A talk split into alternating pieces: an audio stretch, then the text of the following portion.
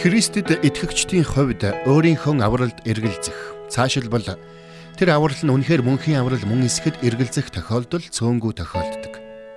Тэгвэл доктор Стенли өнөөдөр бидний энэхүү эргэлзээг тайлж өгөх болно. Ингэхдээ Есүс Христэд итгэх итгэлээр бидний гимнүгэл бүрэн уучлагдж Бурхан биднийг байгаагаар нь хүлээж авсан гэдгийг мөн тэр биднийг мөнхийн улсынхаа иргэд болгож бидний мөнхийн ирээдүйг бүрэн дүүрэн баталгаатай болгосон гэдгийг тод тамруунаар тайлбарлаж өгөх болно. Ингээд хамтдаа доктор Стенли ярианд анхаарлаа хандуулцгаая.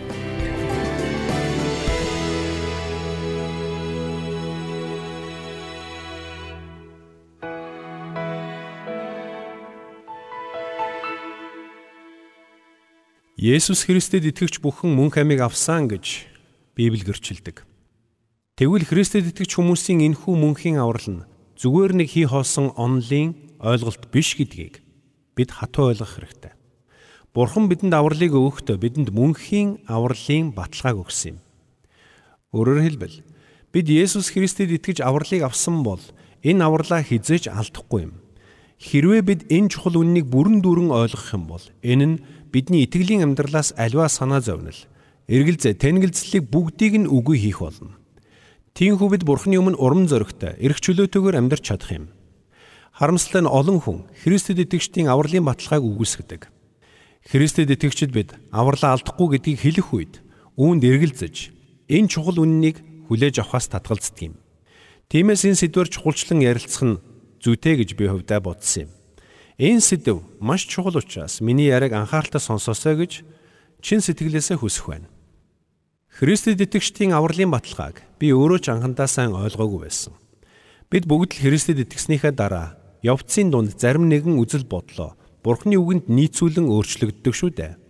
Надад ч бас тийм зүйл тохиолдсон гэж хэлж болно. Библиэлд энэ тухай өгүүлэхдээ биднийг анх итгэх үед бидэнд үгийн сүг өгдөг тухай өгүүлсэн байдаг. Энэ нь бидэнд ойлгож итгэхэд амар хялбар зүйлс гэсэн үг юм. Харин итгэлийн амьдралдаа олон жил амьдарч итгэлээр өсөх тусам Бурхны үгийн талаарх бидний ойлголт улам бүр гүнзгийрч ирдэг. Тиймээс бидний итгэл үнэмшил зарим талаараа аажмаар өөрчлөгддөг юм. Энэ нь бид буруу бодож байгаа зүв болгосон гэхээс илүү Бурхны үгийг ойлгох ойлголт маань илүү гүнзгийрсэн гэж хэлж болно. За тэгэхээр түрүүнд хэлсэнчлэн би анхандаа итгэгчд авралаа алдахгүй гэдэгт тийм ч итгэлтэй байгаагүй. Харин явцын дунд би энэ талаарх Библийн үннийг гүн гүнзгий ойлгож авсан юм. Тиймээс миний өнөөдөр ярих зүйлсийг та баптист он сургаал гэж бүү бодорой. Харин Библийн үнэн хэмээн хүлээж аваасай гэж хүсэж байна. Анх би 12 настай байхдаа Есүс Христийг аврагч эзнээ болон хүлээн авч байсан юм.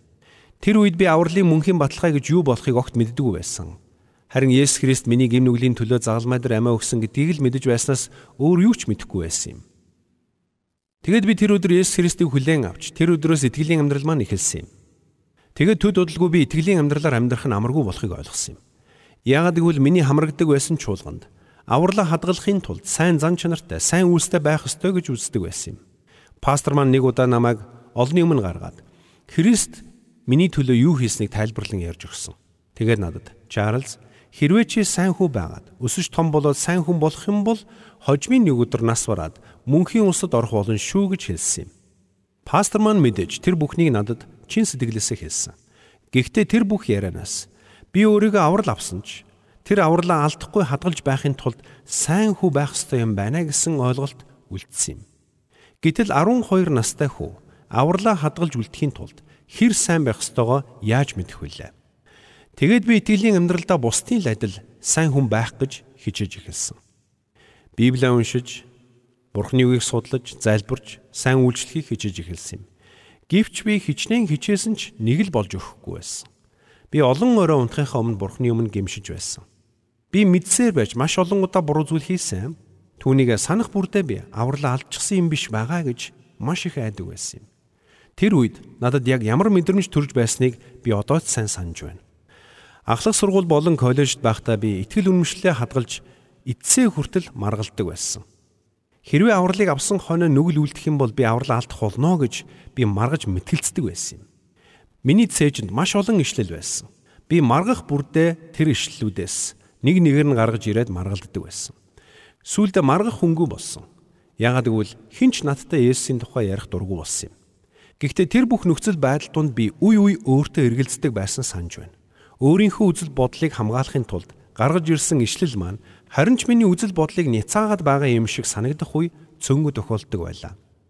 Ийхүү Библийг уншиж судалсаар бас өөрийнхөө байр суурийг хамгаалж хүмүүстэй маргалдаж мэтгэлцсээр эцэст нь өөрийгөө зөв ярьж байгаа эсгэд эргэлзэх болсон юм.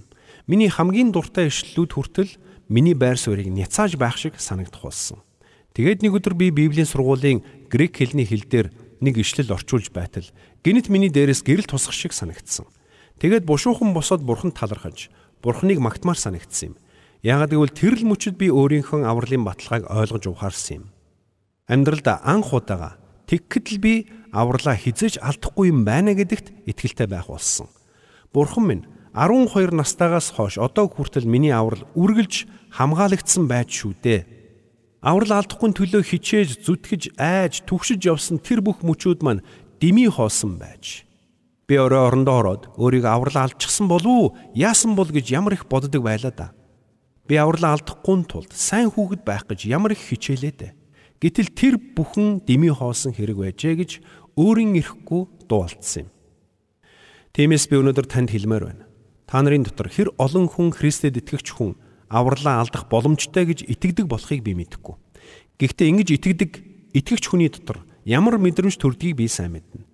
Тиймээс өнөөдөр би танд авралын тухай заахта таны итгэл үнэмшлийг өгүүлсгэж таны буруу болохыг батлах гэж оролдоогүй. Харин зүгээр л Бурхны үгийн үннийг тунхаглаж байна гэдгийг ойлгоорой. Би энэ чухал үннийг ойлгосон тэр мөчөөс эхлээд би жинхэнэ эрх чөлөөг мэдэрсэн юм. Бурхан биднийг аврахдаа бидний авралыг мөнхөд баталгаатай болгосон. Тиймээс бид авралаа хизээч алдахгүй. Харин энэ чухал үннийг та ойлгож зүрхэндээ хүлээж аваасаа хэмээн би залбирч байна. Хэрв та Есүс Христийг хараахан аврагчаа болгон хүлээн авч амжаагүй байгаа бол аврагчаа болгон хүлээн аваасаа гэж би хүсэж байна. Харин та Есүс Христэд итгэж авралыг авсан бол таны хүлээн авсан аврал чинь мөнхийн мөнхөд баталгаатай гэдгийг бүрэн дүрэн ойлгож Бурхны өгсөн эрх чөлөөг ойлгож ухаараасаа гэж хүсэж байна. Юуны түрүүнд би танд авралын мөнхийн баталгаа гэж юу болохыг хэлж өгье. Энэ нь Бурхны авралын бэлгийг бид хүлээж авсан л бол дахиж хизээж алдахгүй гэсэн баталгаа юм. Христэд итгэгчид бид авралын мөнхийн баталгааг сайн ойлгодоггүй нэг шалтгаан нь бид аврал гэж юу болохыг бүрэн дүүрэн ойлгож мдэггүйтэй холбоотой байдаг юм. Бид авралыг хүлээж авсан тэр мөчөд бидний амьдралд юу тохиолдсон болохыг бүрэн дүүрэн ойлгох юм бол энэ нь эргээд авралын мөнхийн баталгааг ойлгох нэгэн чухал үндэс суурь болох болно. Хэрвээ бид хэрхэн аврагдсан бэ гэдгээ сайн ойлгохгүй юм бол тэр авралаа хэрхэн хадгалах вэ гэсэн асуултаа байнга тулгарх болно гэдгийг санаарай. Тиймээс би энэ чухал сэдвээр цуврал хичээл бэлтгэн та бүхэнтэй хуваалцахар шийдсэн юм. Ингэхдээ би Библиэд авралын талаар яг юу зааж сургадаг болохыг маш тодорхой хэлж өгөхийг зорьсон юм. Магадгүй та дотроо Би аль олон жилийн өмнө авралыг авчихсан болохоор таны одоо ярих зүйлийг сонсох шаардлагагүй юм байна гэж та бодож үж болох юм. Тэгвэл би танаас асууя. Есүс Христэд итгэж авралыг авах үед танд яг юу тохиолдсныг та мэдэх үү? Та өөрийгөө Есүс Христэд үнэхээр итгэсэн гэдэгт бүрэн дүүрэн итгэлтэй байж чадах уу? Учир нь маш олон хүн Христэд итгэхийн утга учирыг сайн ойлгоогүй байж сэтгэл хөдлөлтөө автан Христэд итгэж болох шийдвэр гаргадаг юм. Сэргэлтийн юм уу сайн мэдээний цуглааны үеэр номлогч хүмүүсийг гараа өргөн урагш гарч ирэхийг өрөх үед олон хүн юу хийж байгаагаа ч мэдлгүйгээр урагш гарч ирдэг. Тэгээд тэдний төлөө залбирч тэдний Христэд итгэж болсныг тунхагласан ч үнэн хэрэгтээ тэд юу хийж байгаагаа ч огтхон ч ойлгоогүй байдаг юм. Цаашилбал олон хүн хин нэгэн хүнийг даган цуглаанд явж эхэлснийг Христэд итгэж болчихлоо гэж боддог. Тэдэнд авралын талаар болон итгэлийн амьдралын талаар хинч тодорхой зүйлийг хэлж өгөөгүй байдаг. Тэгээд тэд нэг л мэдхэд Христэд итгэж хүмүүс шиг ярьдаг, үйлчилдэг болсон байдаг. Гэвч үнэн хэрэгтээ тэд Христийг аврагчаар хүлээн авах нь яг ямар утга учиртай болохыг мөн Христэд итгэж авралыг хүлээж авах үед тэдэнд яг юу тохиолдог болохыг огт мэдэхгүй явж байдаг юм. Тэгвэл Библиэд авралын талаар яг юуг сургадаг юм бэ? Бид үүнийг ойлгож мэдэх нь маш чухал гэж би итгэдэг. Учир нь өнөөдөр маш олон итгэгчид 7 хоног бүр цуглаанд явж номлол сонсож Библийн хичээл заалгадаг. Тэгсэн атла та яг авралыг авах үед танд яг юу тохиолдсон бэ гэж асуухаар тэд яаж хариулахаа мэддэггүй юм. Цаашилбал Маш олон хүн Есүс Христийг аврагчаа болгон хүлээж аваагүй атлаа өөрийгөө аврагдсан гэдэгт итгээд явж байдаг юм. Хэрвээ та тийм хүмүүсийн нэг бол би танд хэлье. Та авралыг хараахан аваагүй байна. Өнөөдөр авралын талаар буруу зөрүү ойлголттой итгэгчд маш олон байна. Нэгэн найз маань итгэгчдээс та Есүс Христийг хувьчлан таньж мэдсэн үү гэж байнга асуудаг юм. Тэгээд түүний асуултад өгсөн дараах хоёр хариултыг надтай хуваалцсан юм. Нэг хүн түүний асуултын хариуд та намайг Христэд итгэвч мөн үү гэж асууж байгаа бол тийм гэж би хариулнаа. Харин авралыг авсан уу гэж асууж байгаа бол үгүй гэж хариулна гэж хэлсэн байна. Харин өөр нэгэн итгэвч түнд би Христэд итгэвч хүн мөн гэхдээ дахин төрсөн үү гэж асууж байгаа бол би үгүй гэж хариулна гэсэн байна. Эдгээр хариултууд нь итгэгчдийн дунд байдаг төрөгдлийн сонгодог жишээнүүд юм. Ийм учраас Есүс Христэд итгэх үед танд яг юу тохиолдсон бэ гэдгийг асуултад тодорхой хариулт өгч чадахгүй. Аврал гэж яг юу юм бэ гэж асуултад тодорхой хариулт өгч чадахгүй. Дахин төрөлт гэж яг юу юм бэ гэж асуултад тодорхой хариултч өгч чадахгүй.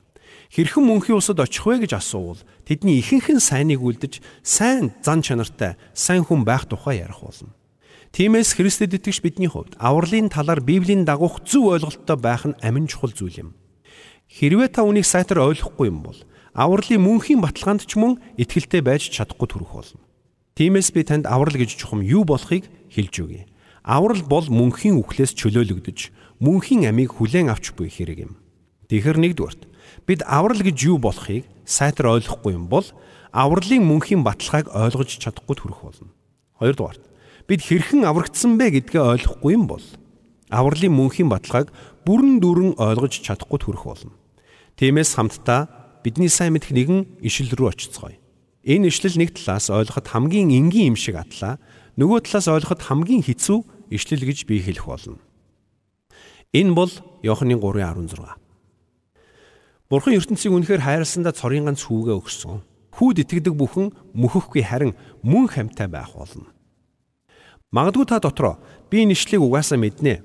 Тэгэд ч би авралыг авчихсан юм чи энэ бүхнийг сонсох хэрэг алгаа гэж бодож үйж болох юм. Тэгвэл таныг аврагдсан гэдгийг хэн танд хэлж өгсөн юм бэ? Бурхны үг үүнийг чинь батлаж байна уу? Эсвэл та хэн нэгэн хүний үгээр явж байна уу? Та өөрийгөө аврагдсан гэж бодоод яваад байна уу? Эсвэл та үнэхээр аврагдсан хүмүүс үү? Есүс Никодим хоёр ярилцаж байх үед Есүс дээр хүүгийг хэлсэн байдаг юм. Никодим бол Израилийн хуулийн багш нэгэн байсан. Тэр үг болон үйлсээрээ зөвхт нэгэн байсан юм. Гэвч Иохан 3:3 дээр Есүс түнд. Үннээр үннээр Никодим би чамд хэлье. Хин дээрээс эс төрн тэр бурхны хаанчлалыг үзэж үл чадна хэмээн хэлсэн юм. Есүсийн энэ үгсийг сонсоод Никодим гайхан цочирдсан. Учир нь түүний бүх хичээл, зүтгэл, зөвхт үйлс авралт ямар ч хамаагүй болохыг тэр ойлгосон юм. Тиймээс ч Есүс үргэлжлүүлээд түүнд Бурхан ертөнцийг үнэхээр хайрласанда цорын ганц хүүгээ өгсөн тул хүүд итгэдэг бүхэн мөхөхгүй харин мөн хамтаа байх болно хэмээн айлцсан байдаг. Тэгэхээр та анхаарлаа сонсоорой. Есүс итгэдэг бүхэн мөхөхгүй харин мөн хамтаа байх болно гэж энд өгүүлсэн байна. Эндээс би нэг үгийг онцлмоор байна. Энд мөхөхгүй гэсэн үг гарч байна. Мөхөл гэдэг бол хүмүүс бидэнд тулгараад байгаа асуудал юм. Мөхөх гэдэг үгийн утгыг аваад үзцгээе. Библи мөхөх гэдэг үг нь устж үгүй болох гэсэн утгыг бус харин Бурханаас тусгаарлагдах гэсэн утгыг илэрхийлдэг юм. Энэ нь мөнхийн үхэл буюу мөнхийн шийтгэл гэсэн үг.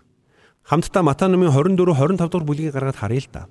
Эндээс бид мөнхийн үхлийн талаар багч болов төсөөлөл авах боломжтой. Энд мөнхийн үхэл буюу мөнхийн шийтгэлтэй холбоотой хэд хэдэн үгс бичигдсэн байдаг юм. Шин гэрээнд эдгээр үгс маш олон удаа давтагдсан байдаг. Матай номын 24 дугаар бүлгийн 50 дугаар ишлэлд эзэндээ үнэнч бус байсныхаа төлөө түнэр харанхуйд хаягдсан өөдгүү муу зарцын тухай өгүүлдэг. Энд Есүс түнэр харанхуй болон үйл ан шүдэ хавирах гих мэт үгсийг мөнхийн шийтгэл мөнхийн тавчлаантай холбож ашигласан байна. Цаашлбал Матай номын 25-ын 41-ийг харах юм бол тэгээд тэр зүүнтэд нь байгстад хандан харагдагста надаас зайл. Диавол болоод түүний тэнгэрлэгч нарт бэлтгэсэн мөнх галд ор гэж хэлсэн.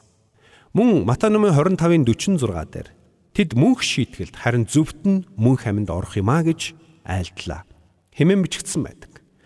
Тэгэхэр гим нүглийн асуудлаас болоод мөнхийн аюултай нүүр тулсан хүн төрлөختөнд ердөө хоёр л зам үлдсэн гэдгийг Библи бидэнд хэлсэн байна.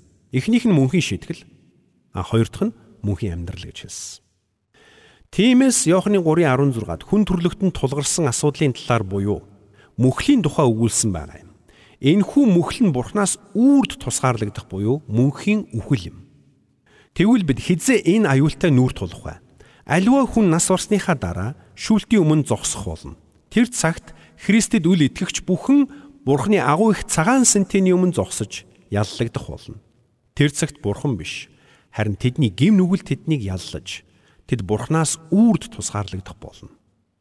Тэгвэл энэ асуудлын цаад шалтгаан нь юу юм бэ? Энэ бол мэдээж гим нүгэл. Тэгэхээр бид авралын мөнхийн баталгааг сайтар ойлгохын тулд бидний мөхөл сүрлийн шалтгаан болсон гим нүглийн асуудлыг маш сайн ойлгох хэрэгтэй юм. Гим нүгэл гээд бодохоор бид ихэвчлэн Бурхны эсрэг тэрслэх тухай боддог. Тэр утгаараа Бурхны тушаалыг зөрчих, Бурхны зөвшөөрсөн хим хэмжээг давах, Бурхны шаардлагад хүрэхгүй байх гэсэн утгаар голчлон ойлгодог. Энэ нь ч зөв. Гэхдээ бид гим нүглийг зөвхөн ийм байдлаар дүгнэж ойлгох юм бол үүнийг бид зөвхөн бидний хийж байгаа үйлдэлтэй холбоотой зүйл мэтэр ойлгох болно. Гэтэл бидний үг яриа, бие авч явах байдал, үйл хөдлөлөөр илэрч буй гим нүгэл нь угтаа бол бидний зүрхэнд оршиж буй гим нүглийн илэрхийлэл юм. Хэрвээ бид гим нүглийг зөвхөн зам байдал, үйл хөдлөлтөй холбож ойлгох юм бол аврал гэдэг ойлголтыг ч мөн зам байдал, үйл хөдлөлийн өөрчлөлт мэтэр ойлгох болно. Тэр тохиолдолд бид авралаа хадгалахын тулд бие зүв авч явах, сайныг үлдэх, зөв хүн байх ёстой гэсэн ойлголт руу хазаах болно. Мэдээж бидний бие авч явах байдал, үг яриа, үйл хөдлөл чухал. Гэхдээ бидний дотор буй гим нүглийн асуудал нь зөвхөн үйл хөдлөлийн асуудал биш юм. Харин үүнээс илүү гүн гүнзгий асуудал буюу бидний нөхцөл байдлын асуудал юм. Бид энэ дэлхийд мэдлэгтэй л гим нүгэлтэй мөн чанарыг тэмдэглэсэн. Энэ бол бидний гим нүгэлт төрлөх нөхцөл байдал. Тиймээс бид төрөлхийн л Бурханаас холдож, Бурханыг эсэргүүцэж, Бурханы хуулийг зөрчих хандлагатай байдаг юм. Энэ мөн чанар, энэ нөхцөл байдлынхаа улмаас бид зөвхөн өөрийн хүслийг дагаж, өөрийн хүслийг гүйцэлдүүлэхийг эрмэлздэг. Тэр утгаараа бидний асуудал бидний зам байдал, үйлдэл бус харин нөхцөл байдалд тодруулбал бидний гим нүгэлт мөн чанарт оршиж байдаг юм байна. Бид хүүхдэд гим нүглийн талаар огт зааж өгөөгүй байхад л хар аянд л эцэг ихтэй дуулуургүй зан гаргадаг шүү дээ. Ямар нэгэн байдлаар тэд эцэг ихээсээ зөрүүдэлж сурсан байдаг. Яагад гэвэл энэ тэдний дотор буй гим нүгэлт мөн чанар буюу гим нүгэлт нөхцөл байдалтай нь холбоотой юм. Тиймээс бид авралын мөнхийн баталгаа гэж юу болохыг ойлгохын тулд гим нүгэл гэж чухам юу болохыг энэ бидний үйл хөдлөлөөс ч илүү гүнд бидний мөн чанарт оршдог болохыг ойлгох нь чухал юм шүү.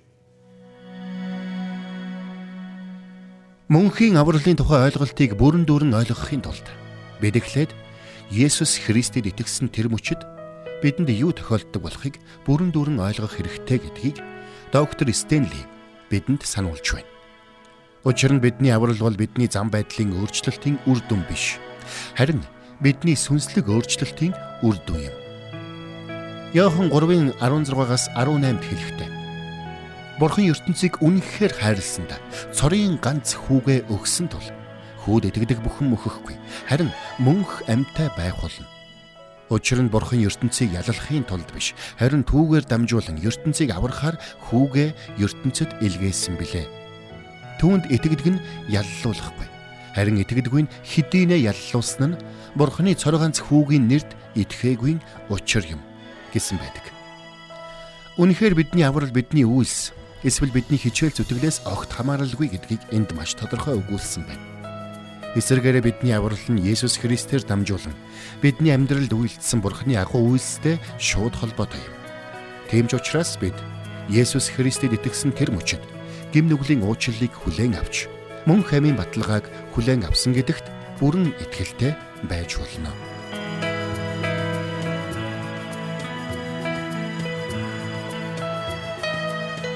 Бурханд тэмүүлсэн сэтгэл хүмүүсийг энэрх зөрхөөр амьдрахад туслах номлогч доктор Чарлз Стенлигийн хамттай нэвтрүүлэг сонсогч танд хүрлээ. Нэвтрүүлгийг дахин сонсохыг хүсвэл ихтгэл радиоцик.com-оор зочлоорой. Бидэнтэй холбогдохыг хүсвэл 8085 99 тэгтэг дугаард хандаарай.